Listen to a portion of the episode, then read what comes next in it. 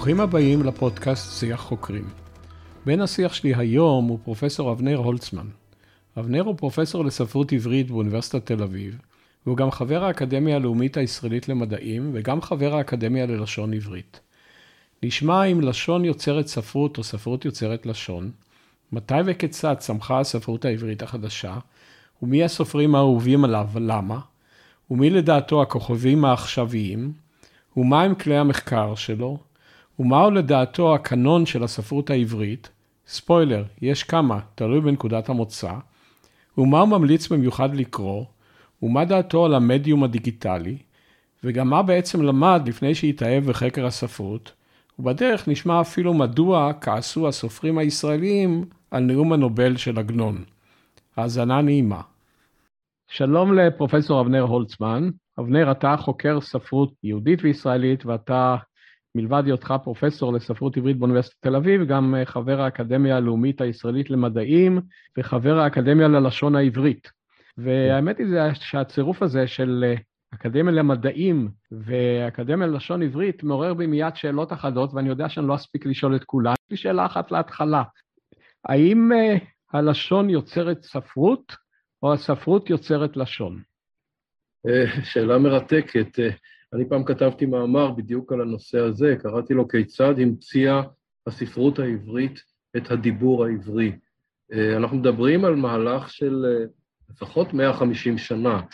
ספרות עברית מודרנית, אם נמנה אותה נאמר מהופעת הרומן העברי הראשון, אהבת ציון של אברהם מפו ב-1853, נוצרה בהוויה לגמרי בלתי נורמלית. היא נכתבה על ידי גברים יהודים, חניכי בית המדרש, חניכי תרבות הספר היהודית, שלא דיברו עברית ולא שמעו עברית בסביבתם. ואחת הטענות שניסיתי להוכיח זה שמתוך הספרות נולדה גם הלשון המדוברת, לא רק מתוך הספרות, אבל גם בסיועה. הספרות ניסתה לתרגל דגמים או מופעים של אנשים מדברים עברית, ואיכשהו זה עבר אל המציאות עצמה, אם כי קהילה דוברת עברית ממש נוצרה רק בארץ ישראל, כלומר בתקופת העלייה השנייה, וזה גם שינה את פניה של הספרות. כך שהקשר הוא דו-סטרי. מה שאמרת מזכיר לי, אחד הדברים שקראתי במאמר שלך, אני אנסה לאתר את זה פה, שאחד ממחדשי הספרות העברית, כאשר בן יהודה בא אליו, וזה היה הבית של לילינבלום באודסה, ואמר לו, שלום אדוני, אז הוא אמר לו, רד ויאמנץ', דבר כבן אדם. זאת אומרת, היה איזה דיסוננס בין ה... מתי נולדה הספרות העברית? או, השאלה מה זה ספרות עברית, במובן מסוים היא נולדה עם התנ"ך. אפשר להגיד ששירה עברית יש לנו ברציפות, מן השירה המקראית והלאה, עם הפסגות של שירת ימי הביניים, והלאה, עד השירה העברית החדשה, אבל כשאני מניח שאתה מתכוון לספרות עברית במובן המודרני יותר. ספרות העברית תחום... החדשה אולי, אני, כן. אתה תגדיר כן. מהי חדשה. כן, אז אני, אני רואה את עצמי כחוקר, כמתעניין בספרות העברית של 200 השנים האחרונות, זאת אומרת, משלהי המאה ה-18 והלאה, שמחצית התקופה הזאת פחות או יותר היא בגולה, ומחציתה בעיקר בארץ ישראל או במדינת ישראל. מחצית התקופה, אנחנו נוהגים לכנות אותה תקופת ההשכלה, שיש לה מאפיינים משלה, והתקופה שאחריה, יש לה הרבה שמות נרדפים, תקופת התחייה, תקופת הלאומיות, תקופת המודרניזם, זו גם התקופה שאני מתעניין בה יותר מאשר באחרות. איך צומחת ספרות עברית מודרנית עם כל הנסיבות וכל התנאים המגבילים והלא נורמליים שמקיפים אותה. אז הייתי אומר שהמוקד העיסוק שלי זה נאמר הספרות העברית משנות ה-80 של המאה ה-19 ואילך. זה, זה מעלה כמובן שוב את השאלה איך יוצרים ספרות בסביבה שלא דוברת את השפה המתאימה לספרות הזו. זה, זה מזכיר לי אה, שני דברים שקראתי עליהם בזמנו, אחד שאת האיטלקית המודרנית המציא דנטה, ודבר שני, שיש תיאוריה שאומרת את הכתב המודרני אה, המציאו בשביל לעלות על הכתב את הומרוס, כי הכתב הקודם לכך אה, היו בו רק יצורים ולא היו בו תנועות, וכדי לבטא שירה צריך להוסיף תנועות. אז האם הספרות העברית החל משנות ה-80 של המאה ה-19 עמדה באותה בעיה שלא היה בידיה סביבה שדוברת שפה שמתאימה לה? קודם כל הייתה לה בעיה בסיסית. כתב היה לה. כתב היה לה. היה לה כתב, אבל מה עושה סופר עברי שרוצה לכתוב? אני מדבר בעיקר על הפרוזה, שירה זה, זה, זה, זה פרשה אחרת. מה עושה סופר עברי שרוצה לתאר מציאות בת זמנו, מציאות מודרנית, גם מבחינה חברתית, פוליטית, גיאוגרפית, טכנולוגית, ומה שיש בידו זה השפה העברית במצבה אה, דאז, אה, והיו כאלה שאמרו, אה, לא, אי אפשר, ולכן לא יכולה להיות ספרות, ספרות עברית מודרנית של ממש, אלא אם כן נדבק בניב המקראי, כמו למשל באהבת ציון של אברהם מפו, זאת יצירה שכתובה על טהרת העברית המקראית, אבל מה שהקל על מפו לכתוב את ספרו היה שהעלילה עצמה מתרחשת בתקופת התנ"ך, יש תואם בין הלשון לבין המציאות. כי הוא ניסה לכתוב רומן מחיי ההווה, רומן בשם עית צבוע, על uh, כל מיני התרחשויות uh, בליטא של המאה ה-19, זה לא כל כך עבד, הנוקשות, המליציות של השפה חסמה בפניו את המשימה, ועובדה היא שהספרות הזאת התיישנה די מהר. אני תמיד אוהב uh, um, לצטט עדות של יוסף חיים ברנר, שעמד על דעתו כקורא בראשית שנות ה-90 של המאה ה-19, הוא נולד ב-1881, והוא אומר, נער הייתי, שפה אחרת לא ידעתי, מה היה לי לקרוא בעברית? ניסיתי לקרוא את עית צבוע של מפו, יצירה שפורסמה רק 30 שנה לפני כן, וזה היה זר ומוזר, אה, וכך גם יצירות אחרות מאותו זמן. כלומר, תהליך ה... יש פה תהליך של התחדשות ותהליך של התיישנות בעת ובעונה אחת, ומכאן הדחיסות הזאת וההשתנות המהירה של נורמות הכתיבה בתוך תקופה אה, קצרה מאוד. אז אם חוזרים לשאלה המקורית, האם אה, ספרות ממציאה לשון או לשון ממציאה ספרות, אז במקרה הזה אה, היה איזשהו שילוב שחייב את הספרות להמציא או להתאים לשון חדשה. כן, כן, ואני... איך הם עשו את זה? בתקופה הזאת שאנחנו מדברים עליה, יש כל מיני ניסיונות מכל מיני כיוונים. מכיוון אחד בא למשל שלום יעקב אברמוביץ', אנחנו מכירים אותו כמנדלה מוכר ספרים, ויצר את מה שאנחנו מכנים אה, הנוסח, זה ביטוי של ביאליק, אה, להיפרד מן הפוריזם, מן הטהרנות הלשונית המקראית, וליצור נוסח ממוזג של לשון מקרא, לשון חכמים, לשון ספרות המוסר אה, וכדומה. זה, זה כיוון אחד, שיצר מעין נורמה קלאסית, מחייבת, של כתיבה עברית, שרבים הושפעו ממנה במשך שנים רבות. מצד אחר בא נאמר ברדיצ'בסקי, ויצר לשון, אפשר לקרוא לה לשון אקספרסיבית, שכל אה, תכליתה זה לבטא רגשות, לבטא, לבטא התפרצויות רגש, עם כל מיני ביטויים שמכוונים אה, להביע פתוס, אה, קריאות, חזרות, שאלות, מילים נרדפות וכדומה. מכיוון שלישי בא יוצר שמאוד מעניין אותי בתקופה האחרונה, הוא שמו בן אביגדור, שזה כינוי ספרותי, שמו האמיתי היה שלקוביץ, והוא ניסה לברוא סיפורת עברית ריאליסטית, אה, אה, יש מאין, וליצור אה, מעין נוסח שעטנז פרי רוחו, שזה גם, גם לשון מקרא, גם לשון חכמים, גם תרגומי שאילה מיידיש, גם שימוש במילים העבריות שטבועות ביידיש והחזרתן למקורן, גם שימוש במילים לועזיות, וזה עורר התנגדות עצומה בשעתו מפי, מכיוונם של טהרני הלשון. היה סופר אחד שכתב מאמר אה, שהתחיל במילים נפלה נפלה שפת קודש, זאת אומרת בן אביגדור מזהם את הלשון העברית הצחה, אבל התרומה שלו הייתה עצומה, הוא הראה שאפשר איכשהו להתאים את השפה למציאות, אה, והוא גם ניסה לחפש מילים עבריות מתאימות לאביזרים שונים במציאות המודרנית, אה, וכך השפה אה, מתפתחת. זאת אומרת, במקרה הזה הספרות עצמה, היצירה הספרותית עצמה, היא מעבדה. כי היא מעבדה לפיתוח שפה חדשה. האם כן. המעבדה הזו, השפה שהיא פיתחה גם, היא השפה שהפכה לשפת דיבור? זאת, זאת שאלה מורכבת יותר. הרבה חוקרים שואלים, איך פתאום אנשים התחילו לדבר עברית? והתשובה ככה שמתקבלת היא שזה בא מכל מיני כיוונים. אה, כבר ב-1898 פעל גן ילדים עברי ראשון בראשון לציון, אה, עם גננת חלוצה בשם אה, אסתר שפירא, חבל שאין לנו הקלטות מאז, אבל זה ניסיון של להשריש שפה עברית מדוברת, ומצד אחר הייתה הספרות ושפת המורים, אה, היו כל מיני פערים והתנגשויות. אה, למשל, סמך יזהר, שהוא בן הדור הראשון, נאמר, של בני הארץ, אה, יש לו ספר נהדר בשם צלהבים, שבו הוא מתאר את הפער העצום המנטלי ששרר בינו ובין חבריו לבין המורים שלהם. איך הוא אומר? כולם אנשים מורים מהוללים, ורק מה לנו ולהם. הם בוקעים מאמצע המאה ה-19, ואנחנו כבר צומחים מן השליש הראשון של המאה ה-20, ומה לנו ולהם, והוא מצטט מורה כזה, משכיל, טהרן, האדון ברוכין, שכשהכיתה הייתה מפריעה, משתוללת, הוא היה צועק, הסו הפראים, כן? זאת הייתה השפה שלו. אבל זה מעניין ש...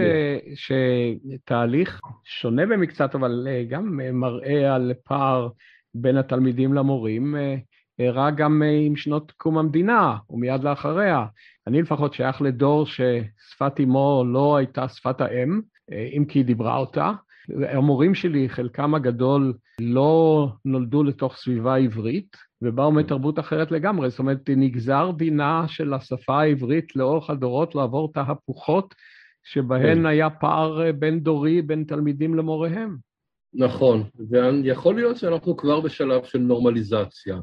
אה, למשל, אחת השאלות היא, איך הסופרים משתמשים בנכס האדיר שאנחנו קוראים לו ארון הספרים היהודי, מין תיבת תהודה שכל סופר יכול לעשות בה נפלאות, ואנחנו רואים אה, שהספרות הישראלית נפרדת והולכת מן הכלי העצום הזה, אה, שמאפשר לה הדהודים ורמיזות, פרודיות וציטטות, והיא מושקעת ביצירת איזה נוסח עברי שטוח, אני מניח, לעומת הדורות הקודמים, אבל הרבה יותר קומוניקטיבי. אה, כן. שאלת שפת הדיבור לא נפתרה הרבה שנים. כל אה, תהליך תרבותי הוא במידה זו או אחרת אה, תהליך אבולוציוני, אבולוציה כן. תרבותית. ותהליכים כאלה בדרך כלל עוברים איזשהו שלב של קונסולידציה או הבשלה, כן. ומגיעים לאיזשהו מצב בגרות שכמובן הולך ומשתנה גם הלאה. אם הספרות העברית החדשה התחילה בסביבות 1880, אה, אה, אה, האם יש איזשהו מועד שבו אתה רואה השגת הבשלה או איזשהו סיום של תהליך קונסולידציה, ומכאן ואילך זו אבולוציה יותר רגועה? כן, טוב, יש פה כמה תחנות בתהליך הזה.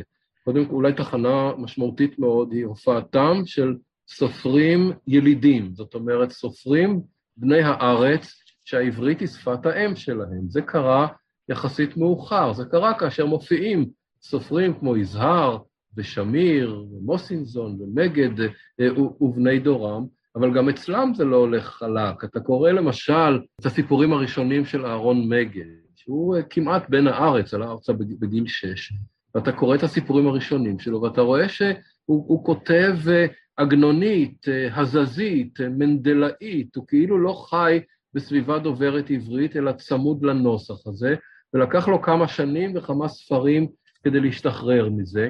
לאחר מכן אפשר להגיד שהיה עוד שלב שבו סופרים עבריים, ילידים, ילידי הארץ, מרגישים איזו מחויבות לעברית הגבוהה.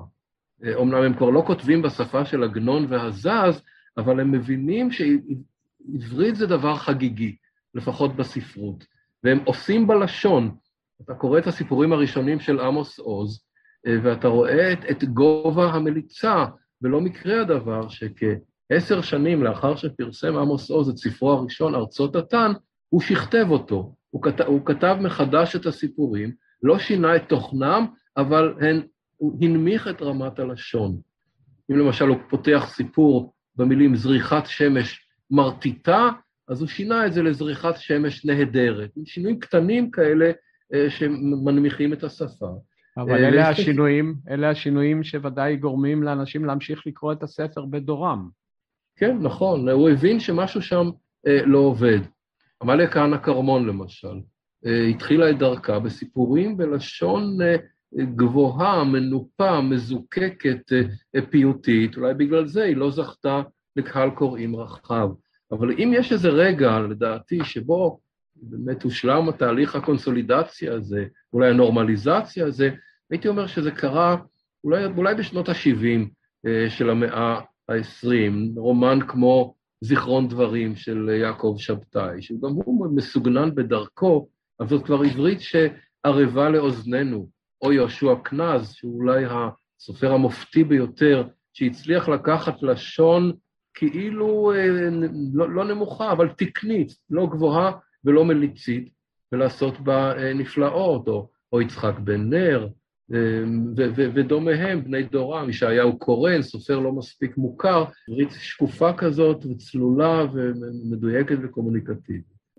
אני מבקש לחזור רגע להתחלה, שבה אמרתי שאתה מלבד בהיותך, או בנוסף להיותך פרופסור לספרות עברית, אתה חבר האקדמיה ללשון עברית, אבל אתה גם חבר האקדמיה למדעים, האקדמיה הלאומית למדעים. האם הספרות כן. היא מדע? או, שאלה. לפני כ-50 שנה בערך, או 60, נוסד כתב עת בשם הספרות באוניברסיטת תל אביב, שכותרת המשנה שלו הייתה כתב עת למדע הספרות. ועצם הכותרת הזאת עוררה בשעתה פולמוס בעיתונות, האם הספרות היא מדע וכולי.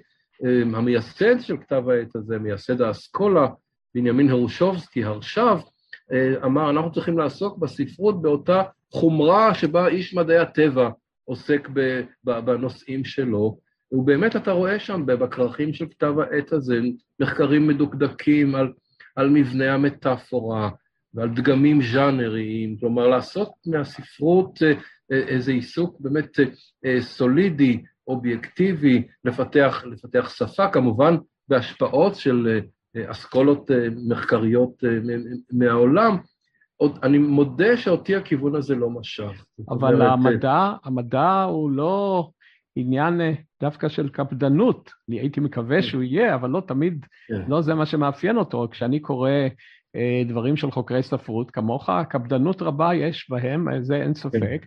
אני חושב כן. שהשאלה שאני התכוונתי אליה היא האם הגישה, או אחת הגישות לספרות, היא גם ניסיון אה, לקבוע, לזהות איזה שהם כללי בסיס, איזה שהם אלגוריתמים בפעולת המערכת?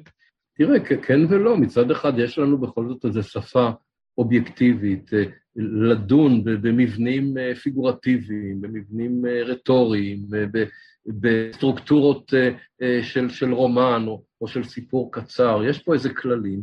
מצד שני, אה, הכללים הם לא חזות הכל.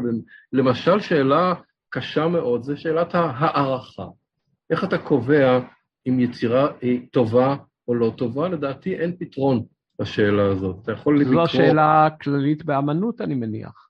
כן, אם אתה יכול, אתה רואה יצירה, אה, והיא כאילו עשויה לפי כל הכללים, לפי כל הדגמים, אבל אה, איך אומר עגנון בסיפורו המלבוש, חסר בה אותו דבר, שאם הוא ישנו, המלבוש מלבוש, ואם הוא איננו, אין המלבוש מלבוש. זה הדבר החמקמק הזה ש, של הטעם הספרותי, שחומק מכל הגדרה אה, מנוסחת.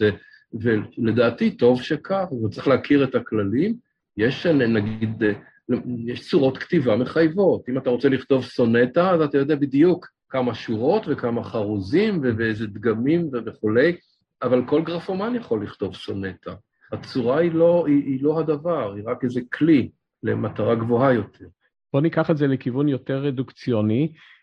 נרטיבים הם אה, בסיס אה, לקוגניציה האנושית. זאת אומרת, אה, המוח האנושי בנוי לנרטיבים, ויש לזה כנראה סיבות אבולוציוניות. אנחנו כל דבר שמים בתוך איזשהו נרטיב, לפעמים הוא מאוד אלמנטרי, ולנרטיב יש אילו שהן אבני יסוד, שבלעדיהם אין הנרטיב נרטיב, אין אה, כן. סיפור. האם גם בחקר הספרות מזהים אבני יסוד, עוד בטרם כן. חושבים אם צירופן הוא שיוצר את היצירה הטובה. כן, תראה, יש לנו חברה דגולה באקדמיה למדעים, שלומית רימון קינן, שזה בדיוק תחום ההתמחות שלה, איך בנויים נרטיבים. אה, ויש לה ספר אה, על תיאוריה של הנרטיב, אה, והיא מביאה שם כל מיני הגדרות, למשל, מהי נוסחת המינימום של סיפור? הנוסחה היא שני אירועים שמשהו מקשר ביניהם, או קשר כרונולוגי, או קשר סיבתי, או קשר כרונולוגי שטומן בחובו קשר סיבתי. היא מביאה דוגמה משעשעת שם, היא כותבת שג'ון מילטון, המשורר האנגלי, אה, כתב את יצירתו אה, Lost, גן העדן האבוד, או תחילה הוא נשא אישה, כתב את Paradise Lost, ואז אשתו מתה, והוא כתב את Paradise Regained, השיבה לגן עדן. היא אומרת, זה דוגמה לקשר כרונולוגי שיכול אה, להנביע מתוכו קשר סיבתי. אבל האם זה סיפור טוב? זאת אומרת, אז נניח שמצאת את נוסחת היסוד. ויש ענף שלם בנרטולוגיה וגם בחקר הספרות העממית, שמנתח דגמים של מעשיות, דגמים של אה, נרטיבים, אז בסדר, אז אני, אני שואל, אז מה? זאת אומרת, האם זה מסביר את טולסטוי? האם, אה, ככל שיחידת הטקסט רחבה יותר, אז הדגמים והצורות הם פחות רלוונטיים אה, להבנתם. האם אפשר לנסות ללכת למדרגת ביניים ולומר, בוא נשים בצד את, אבני הבניין הכמעט, נניח לצורך הדיון שלנו, הכמעט טריוויאליות, כי הן הרי לא תיצורנה בעצמן את היצירה המופלאה, ולשאול שאלה פונקציונלית, מה, מהי הפונקציה של הספרות? למשל, אם אתה תשאל אה, חוקר אה, אה, במדעי הקוגניציה, הוא עשוי לומר לך, אה, הספרות היא מרחב ניסוי אה, של הקיום האנושי. אומרת, כן. אה, עולם שלם שאתה יוצר ואתה יכול לנסות בו מה היה יכול להיות ואיך. האם אה, גישה כזו מקובלת? תראה, אני, נזכר בהקשר הזה בעמוס עוז, שתמיד אהב להשתמש במטאפורה של אה, מכשף השבט. זאת אומרת, איך, איך נולדו סיפורים? השבט היה יושב מסביב למדורה, והיה מישהו שידע להמציא סיפורים ולהקסים את שומעיו, כלומר, הבסיס של הספרות זה לשעשע, לבדר, או בתוך כך גם, גם לחנך, אבל בעיקר לרתק ולהרוות את הסקרנות. הבסיס של הספרות זה לספר סיפור. ודווקא באסכולות מודרניסטיות יותר, לא היה להם נוח עם הטריוויאליות הזאת. מה, כל הס... עניין הספרות זה רק העלילה ופיתוחיה? יש ספר מפורסם של E.M. פורסטר שנקרא Aspects of the Novel, ושם הוא שואל את השאלה, מה עושה הספרות? והוא אומר, איך זה יכול להיות שהספרות, צורת ההבעה המורכבת הזאת, בנויה על שרשור של uh, עובדות שמעוררות uh, סקרנות, ואז הוא בוחן כל מיני אפשרויות, ובסוף הפרק הוא, הוא אומר, אני מודה באיזו הנחה של צער, כן, הספרות מספרת סיפור. זה הבסיס, ועל הסיפור הזה אתה יכול להערים אה, לבנות כל מיני פונקציות של בידור, של פיתוי, של חינוך, אה, אה, של, של החדרת אידיאולוגיה וכדומה. אני לא התכוונתי דווקא לצד הבידורי, לצד המשעשע, לעובדה שמבחינה קוגניטיבית יש לך אפשרות כאן לעשות סימולציה של העולם בלי לחוות אותו בפועל. כן. זה מזכיר קצת את ה... סיבה שניתנת מדוע יש לנו זיכרון אפיזודי, שהוא קשור מאוד, זיכרון חווייתי, שהוא קשור מאוד לספרות, ואחת הסיבות שניתנות להתפתחותו של הזיכרון האפיזודי, שהוא בכלל לא מדויק, היא שהוא גם הבסיס לדמיון, והדמיון נותן לך אפשרות לעשות סימולציה של מהלכי חיים, של עתיד אפשרי וכדומה, והשאלה היא האם, האם הספרות גם היא אקסטנציה של היכולת הזו של המין האנושי לבחון את העולם בלי שהוא צריך לעבור אותו או באופן פרטי על ידי הקורא, או באופן אה, כללי על ידי החברה. כן, אה, זאת, זאת בעצם אמירה, או בדרך כלל אמירה שסופרים משמיעים אותה. זאת אומרת, אני נכנס, אני, אני בורא עולם, אני נכנס לתוכו, אני הבורא, השליט, המצווה, המחוקק, ואני עושה ניסויים, כן, ניסויים באבני הבניין הסיפוריות, ובשביל הקורא בוודאי אתה נכנס לעולם שלא חווית, ואם מדובר במציאות זרה ורחוקה, אז אתה יכול להיכנס לתקופת התנ"ך, לתקופת האימפריה הרומית, לימי הביניים, וכמו מהבחינה הזאת הספרות והקולנוע, שזה גם צורה נרטיבית, היינו הך, להכניס אותך לעולמות שלא היית בהם, ולאפשר לך התנסויות וירטואליות כאלה, בהחלט. זה, זה, זה חלק מהעניין. יש כמובן פונקציות יותר גבוהות, כן, ההנאה האסתטית. אני מאוד נהנה כשאני קורא משפט בנוי כהלכה, מילים, מילה מתחברת למילה, מילה מציתה מילה, כמו חוויה של קריאת שירה, אבל במיטבה של הסיפורת, גם היא עושה את זה, אפשר להביא הרבה דוגמאות. והיה והסופר יצר את עולמו, האם מרגע זה לעולם יש קיום עצמאי? זאת אומרת, זה בכלל לא חשוב מה הסופר התכוון, לא חשוב אה, כן. מה כוונת המשורר, הוא יצר עולם, והעולם הזה ניתן למחקר. כן, זה גם כן איזה דיון מפורסם בתולדות ביקורת הספרות, קוראים לזה The Intentional Fallacy, כשל ההתכוונות, אה, כאשר ההנחה היא שהטקסט עומד לעצמו, יש אסכולה שלמה בחקר הספרות אה, שמתמקדת בתגובתו של הקורא. מה הקורא הסביר יעשה כאשר הוא מממש את הסיפור, והסיפור זה סוג של הוראות קריאה, ועדיין לאותה יצירה עצמה יכולות להיות אינטרפרטציות שונות, וזה בזכות תכונה נוספת של הספרות, וזה חוסר המוגדרות. זאת אומרת, אותה, אותה יצירה עצמה יכולה לעורר רשמים שונים, כמובן במסגרת איזו סבירות uh, פרשנית, uh, אחרת הכל היה uh, מאוד משעמם. הוויכוחים הכי מעניינים הם על, על פירושה של יצירה, אתה, שלא לדבר גם על הערכות נוגדות מן הקצה אל הקצה. יש יצירה שחלק מוקיעים אותה כגרועה, וחלק רואים בה יצירת מופת. איפה האמת? האמת היא בעיני המתבונן.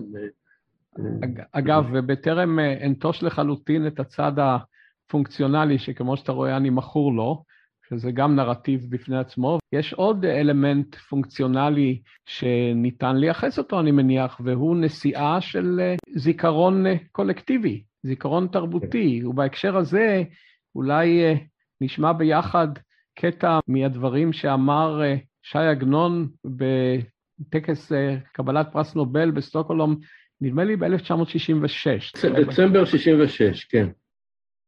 מתוך קטסטרופה היסטורית שהחריף טיטוס מלך רומי את ירושלים וגלה ישראל מארצו, נולדתי אני באחת מערי הגולה, אבל בכל עת תמיד דומה הייתי עליי כמי שנולד בירושלים.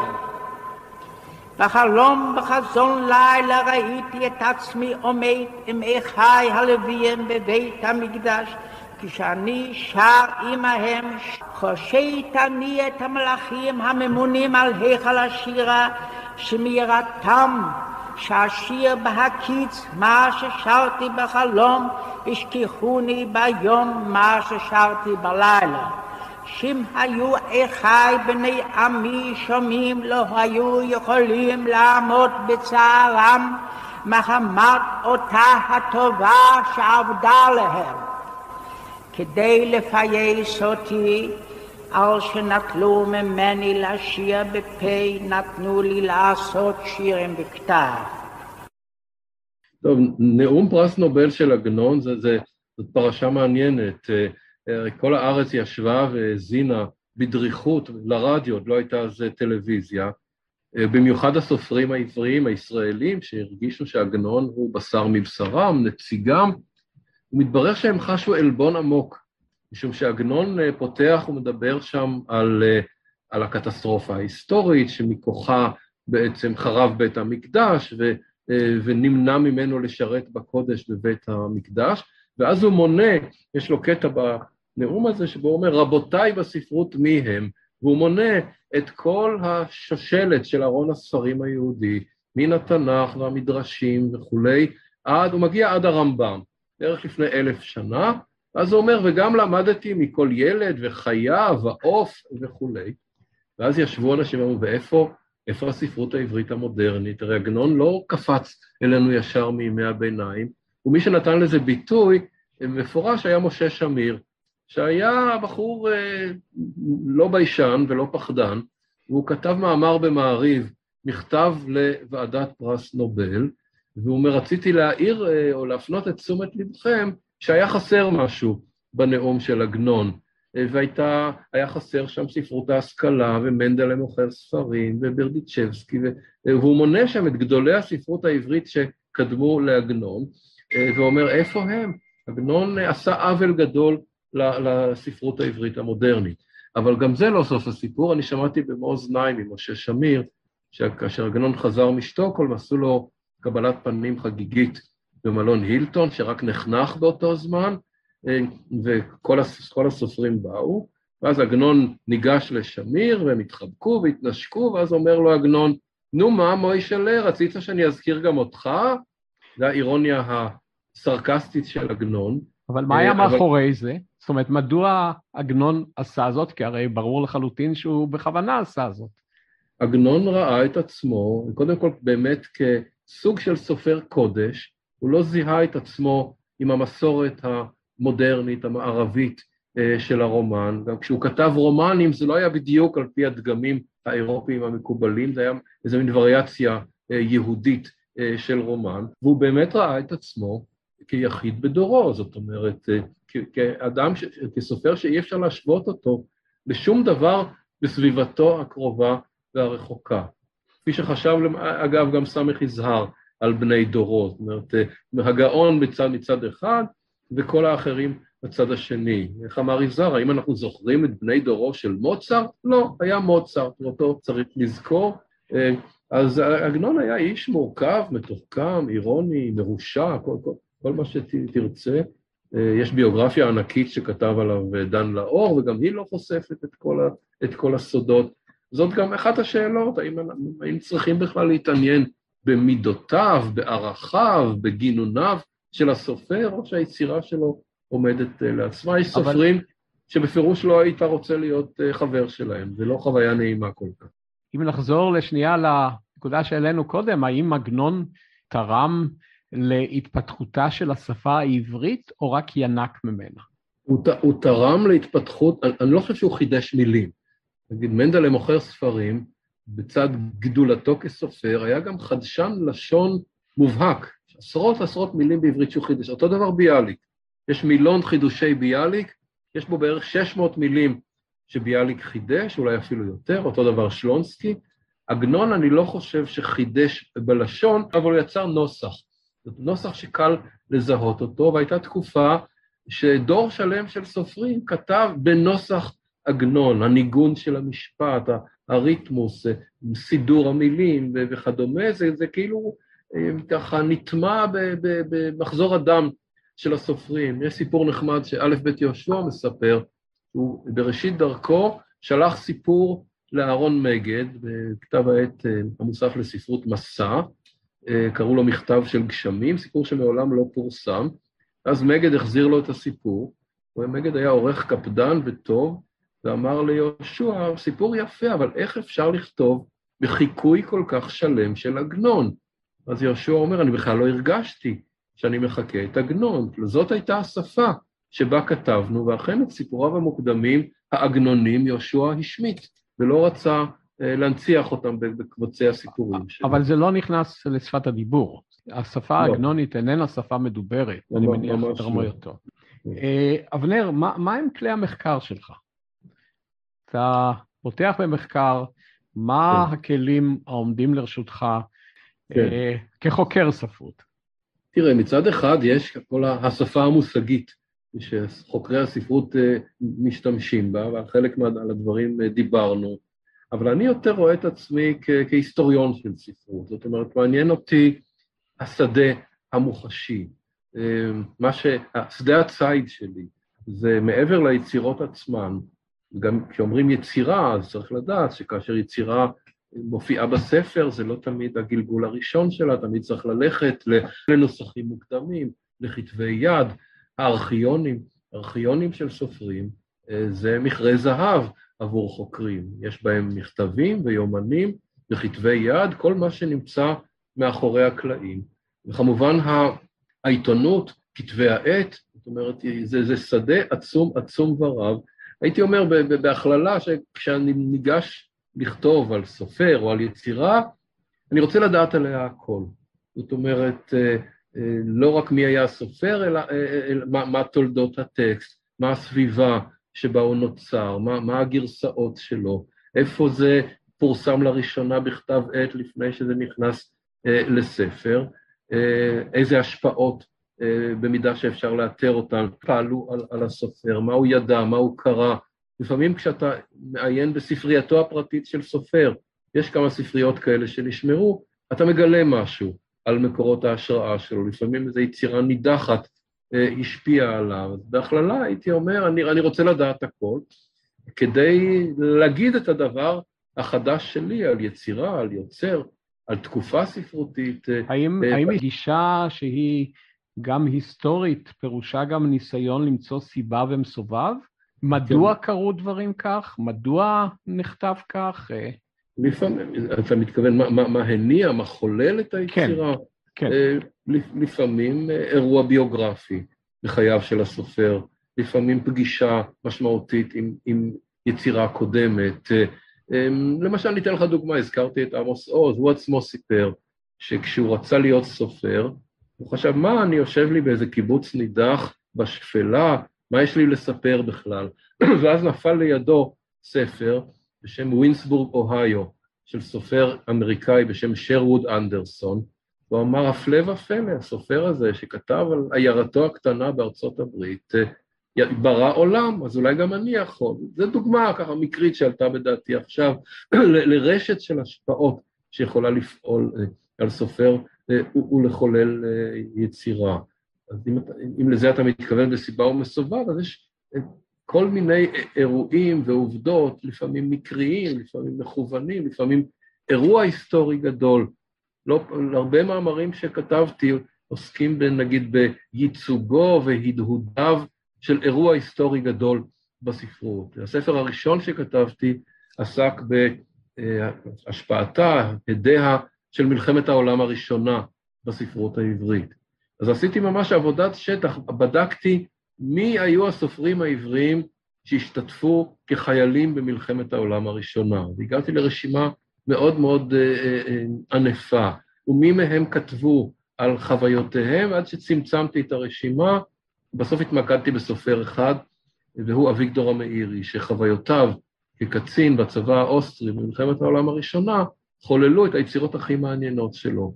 השיגעון הגדול, רומן המלחמה, וגיהנום של מטה, רומן השבי, אבל כדי להגיע להמאירי, בדקתי את השדה כולו וניסיתי למקם אותו, וזאת רק דוגמה אחת.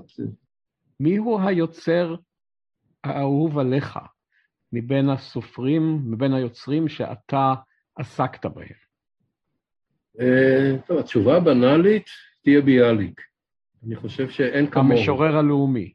כן, כן, אבל לאו דווקא בזכות היותו המשורר הלאומי. על ביאליק כתבתי שני ספרים, שני, שתי ביוגרפיות, אחת בעברית ואחת באנגלית, והוצאתי מהדורה של כתביו, גם, גם של השירים וגם של הסיפורים. מדוע ביאליק? קודם כל, אה, השירים של ביאליק הם הדוגמאות המושלמות ביותר שיש לנו בעברית לשירה, שיש בה אה, כל הרבדים האפשריים. אני יכול להדגים את זה, נאמר שיר, שיר אה, קטן בשם לבדי, שמתחיל במילים כולם נשא הרוח, כולם סחף האור, ככל שאתה מעמיק בו, אתה רואה כמה צפון בו, אה, אתה רואה את המבנה המתוחכם שלו, איך מבית לבית חיים חלים שינויים דקים במיקומו, במעמדו, בתחושותיו של הדובר, את המשחק האינטרטקסטואלי, כלומר את השימושים באין ספור הדהודים לארון הספרים היהודי, את הממד הפסיכולוגי, יש שם איזו דרמה פסיכולוגית אינטימית בין בן לאימו, בין הגוזל לציפור, אה, יש שם, אה, ואולי עיקר העיקרים, בתוך השיר הזה ביאליק הצפין את אחת מחוויותיו האוטוביוגרפיות המהותיות ביותר, זה החוויה הזאת של הנטישה הטראומטית של עולם האמונה היהודית, בלי לנטוש אותו בעצם. ומתוך זה גם אתה לומד על מימד השליחות והייעוד שטבוע בביאליק. מדוע הוא לא יכול לעזוב את עולם המסורת כמו כל אחיו הבוגרים שנשא אותם הרוח, כי יש לו איזו תחושת שליחות, לשמר את אש הקודש, אבל לא בממד של אמונה דתית, אלא אולי בממד של תחייה לאומית, ואת כל זה אה, הוא הכניס באיזו דחיסות. הרי אתם יודעים, המילה דיכטונג בגרמנית, אה, שמשמעותה שירה, זה בעצם דחיסה. השירה היא דחיסה, וביאליק הוא הדחסן המופלא ביותר בשירה העברית, אבל זאת רק דוגמה קטנה. אז יש לנו, אם ככה, אלמנט אחד מרכזי בקנון של הספרות העברית, כי הרי לא תמנה את הקנון בלעדיו, ומהם המרכיבים האחרים של הקנון הזה? לו היית צריך עכשיו לתת רשימה, מה היא הייתה כוללת? הייתי אומר שהייתי עושה שתי רשימות מקבילות. מצד אחד, יש לנו איזו שלשלת של סופרים, שהם לא רק סופרים, הם גם אה, גיבורי תרבות או מנהיגים רוחניים. אה, עמוס עוז כתב פעם שהספרות העברית נטלה על עצמה את מה שהנביאים נטלו על עצמם בעבר, את מימד השליחות וההנהגה, והרבה מהסופרים האלה כאילו עולים על איזה מצפה ומראים את הדרך לעם. איך יל"ג כותב, הקיצה עמי עד מתי תישנה, והוא אומר לעם מה צריך לעשות. אז יש השלשלת הזאת של סופרים גדולים, שהם גם מנהיגי תרבות וגם רוויי אה, שליחות. אפשר לדבר על י"ל גורדון, יל"ג, משה בלילנבלום, פרץ סמולנסקי, דמויות שכוחות לגמרי, אבל יוצרים אה, אה, אדירים, ואחר כך להמשיך בביאליק, בצ'רניחובסקי, באלתרמן, בשלונסקי, בנתן זך, יהודה עמיחי, אל, אלה עמודי התווך אה, אה, של השירה, אה, שגם נטלו על עצמם תפקידי מנהיגות, ומצד אחר, הייתי אומר, יש שושלת אחרת של סופרים שלאו דווקא ראו את עצמם כנושאי שליחות ציבורית, אלא יותר כאומנים, אומנים שמלטשים את הלשון, את הסגנון, ואולי הכי אהוב עליי מביניהם זה אורי ניסן גנסין. אה, אומן מופלא של לשון, של כתיבה, של עידונים אה, לשוניים ופסיכולוגיים, אה, גאון שאין כמוהו.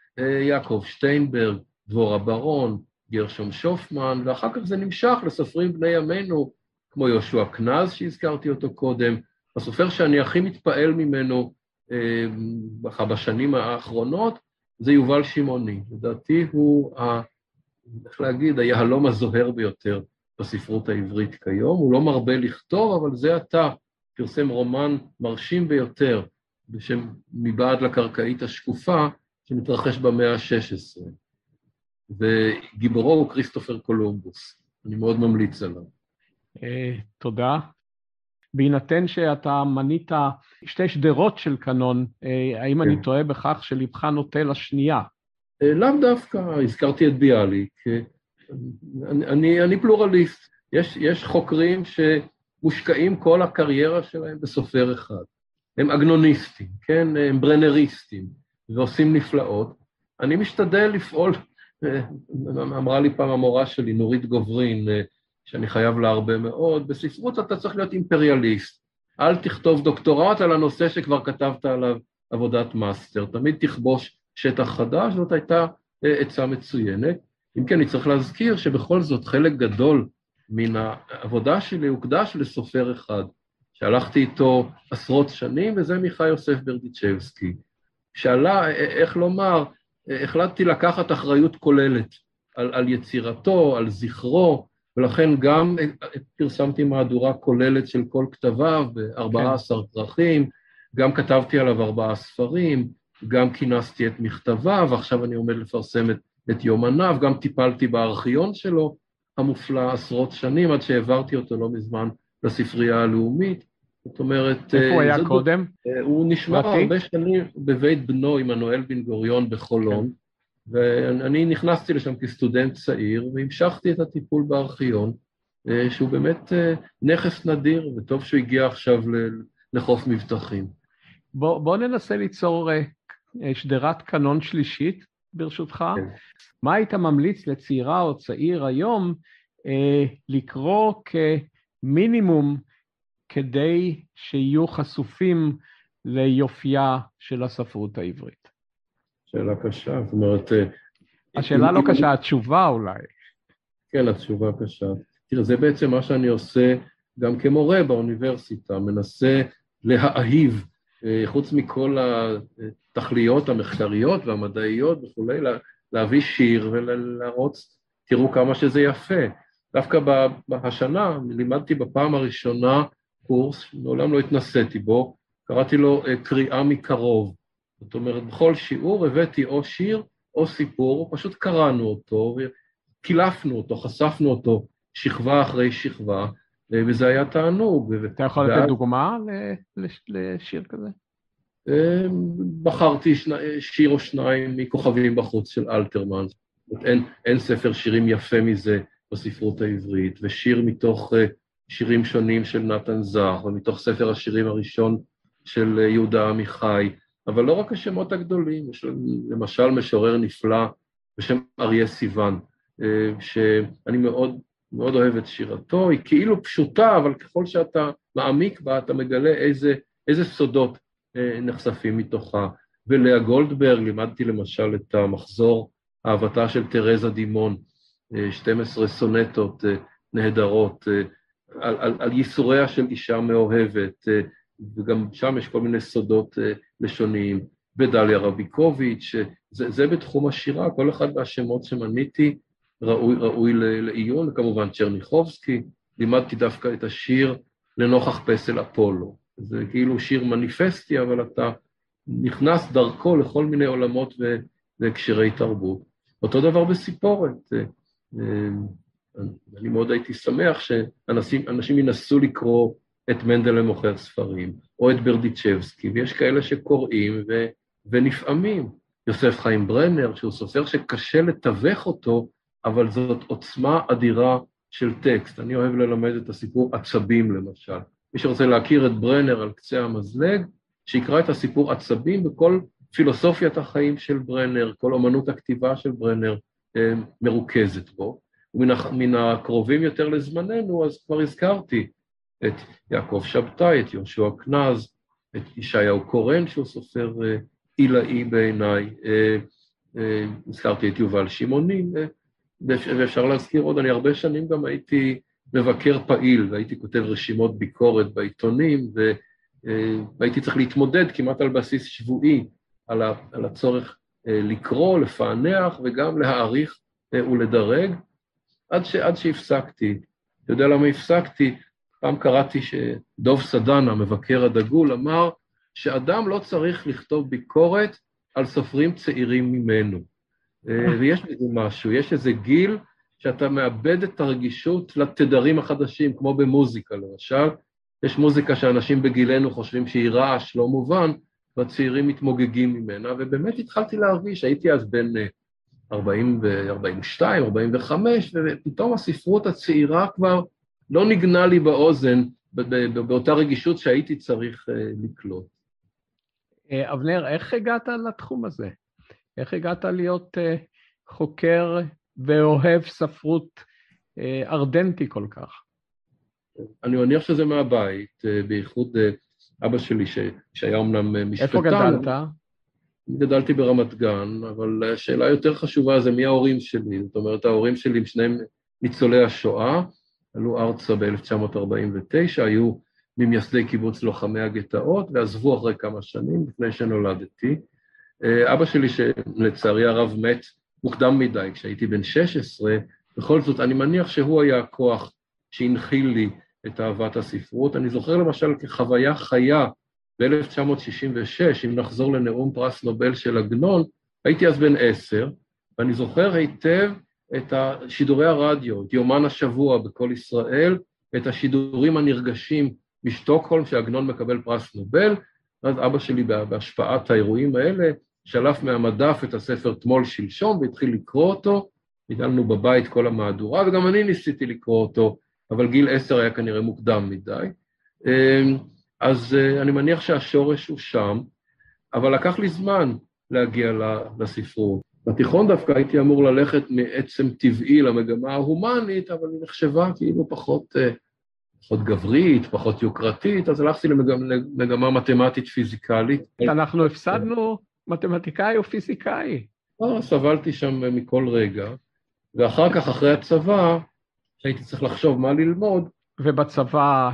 הייתי טנקיסט, והייתי מפקד טנק, ושירתתי בסיני, והייתי במילואים בשריון יותר מ-20 שנה, אז אני גם טנקיסט מדופלם, אה, אבל אחרי הצבא מיד, שקלתי מה ללמוד, אז כמעט באופן טבעי בחרתי במשפטים, כי אבא שלי היה עורך דין והייתי מצוי בתחום הזה.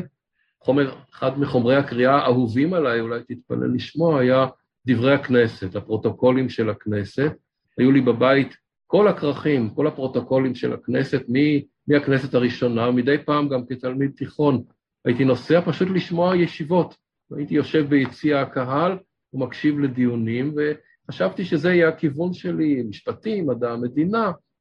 ואז אה, התחלתי ללמוד משפטים בירושלים, באמת אצל גדולי הדור, אהרן ברק, יצחק זמיר, רות גביזון וכולי, והלימודים היו מעניינים, אבל היה איזה רגע, אני ממש זוכר את הרגע שבו חשבתי, אני לא רוצה להיות עורך דין, אני לא רוצה להיות משפטן, גם ראיתי את, אה, את הקושי שבחיים האלה, דרך אבא שלי, שהיה לו משרד עצמאי, שנאבק כל הזמן על, על uh, הישרדותו, ואז מהרגע להרגע פשוט פרשתי מהלימודים, וישבתי וחשבתי, כן, על, על, תהיתי על חשבון עולמי, חשבתי מה באמת מעניין אותי, מעניין אותי ספרות ואומנות. אז נרשמתי לחוגים לספרות עברית ולתולדות האומנות באוניברסיטת תל אביב, וברגע שנכנסתי לחוג לספרות עברית, ישר הרגשתי, זה המקום שלי. זאת אהבה ממבט ראשון, זהות ממבט ראשון ביני לבין, לבין התחום הזה, אבל גם את האומנות לא נטשתי, ולימים גם, אפילו באופן מחקרי, ניסיתי לחבר בין הספרות והאומנות, וכתבתי שני ספרים על הקשרים בין הספרות והאומנות הפלסטית. ספר אחד תיאורטי, שמציג את אזורי המפגש ההדדי בין שתי האומנויות האלה, וספר אחד היסטורי, שמתאר את תולדות, איך להגיד, היקלטותה של האומנות הפלסטית כדיסציפלינה לגיטימית במרחב התרבות העברית החדשה, מאמצע המאה ה-19 אה, ואילך. אה, אה, כיצד האומנות הזאת שנתפסה כאחר, זר, חשוד, מפוקפק, לאט לאט כבשה את, את מקומה, לא, לא בלי, בלי קשיים ולא בלי מתווכים חשובים שהכניסו אותה אל עולם התרבות העברית. אבנר, כשאני מסתכל מן הצד על uh, תולדות הספרות, אני uh, מזהה מיד, משהו טריוויאלי, את שינוי המדיום. Uh, בתחילתו המדיום היה בחברות א-ליטרליות, uh, היה מדיום של העברה בדיבור, כמו למשל uh, ההנחה של איך עברו האפוסים, כגון האליאדה ואודיסאה. אחרי זה או במקביל היה מדיום של אה, חריטה אה, בחרס או באבן, ואחרי זה כתיבה בקלף, ואז כבר לא כל כך משנה על מה זה נכתב.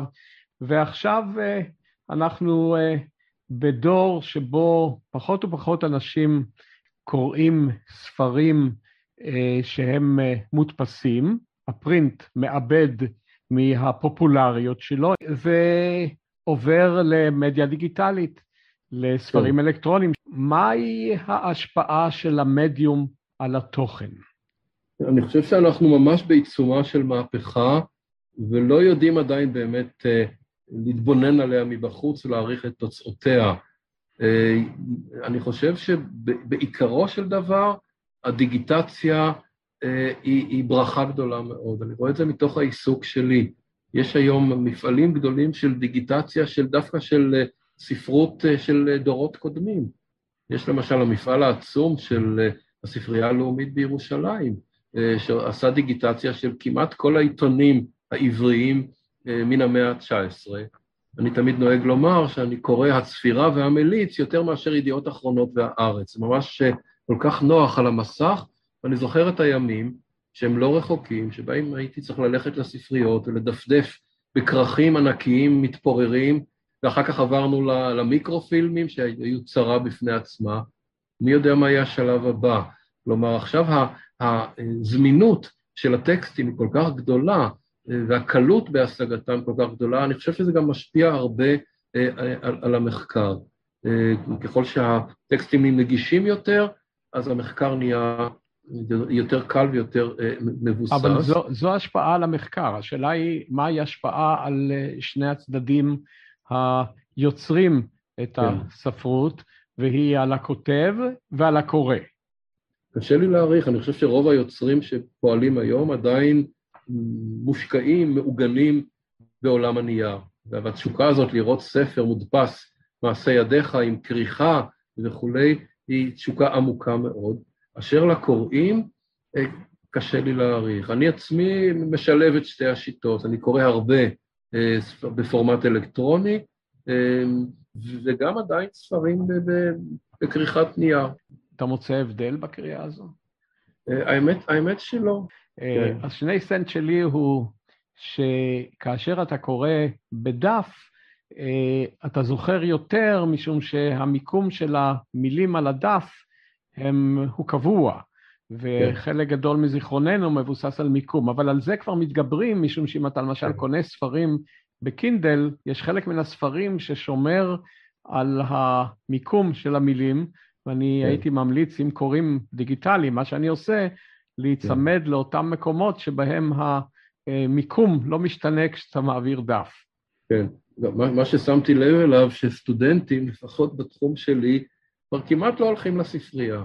זאת אומרת, הסטודנטים של היום, לפחות במדעי הרוח, הם מאוד מפונקים. הם רוצים שאת כל חומרי הקריאה אתה תסרוק ותגיש להם ותבנה אתר של הקורס. יש לזה המון יתרונות, אבל אתה מפסיד כאן את עניין הסקרנות היוצרת. אני זוכר אין ספור פעמים, הייתי משוטט בספרייה לחפש משהו, בתוך כך גם קורא ומוצא, ככה, אגב אורחה, המון דברים אחרים. דווקא החוסר התכליתיות הזאת של השיטוט היא מאוד מאוד פורייה, מוליכה אותך להרבה, להרבה תגליות.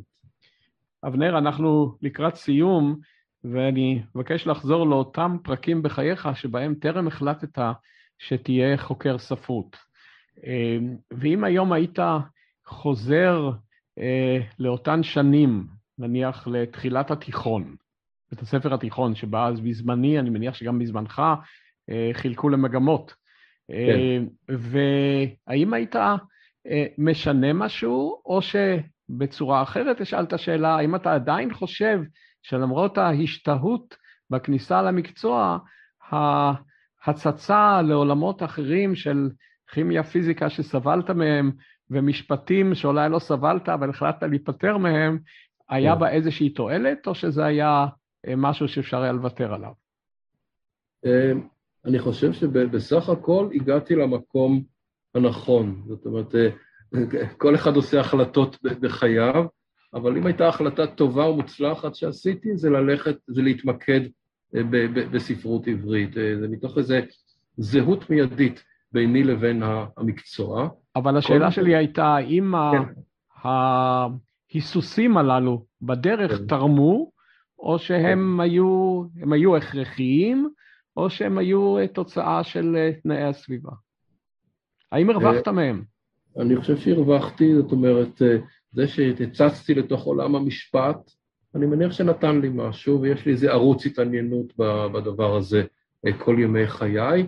עולמות המתמטיקה והפיזיקה חלפו בלי להשאיר חותם. הילדים, הילדים שלי יותר מושקעים בהם מאשר אני. הם עוסקים בזה? קצת בהייטק, כן, יש לי ילד בתיכון שמתמחה במקצועות הריאליים, יש לי גם ילד בן חמש, מי יודע מה יהיה איתו בעתיד. אבנר, אני מאוד מודה לך על אה, סיור אה, בעולם הספרות, אה, וגם על כמה עצות שנתת לגבי קריאה. תודה רבה, ידי.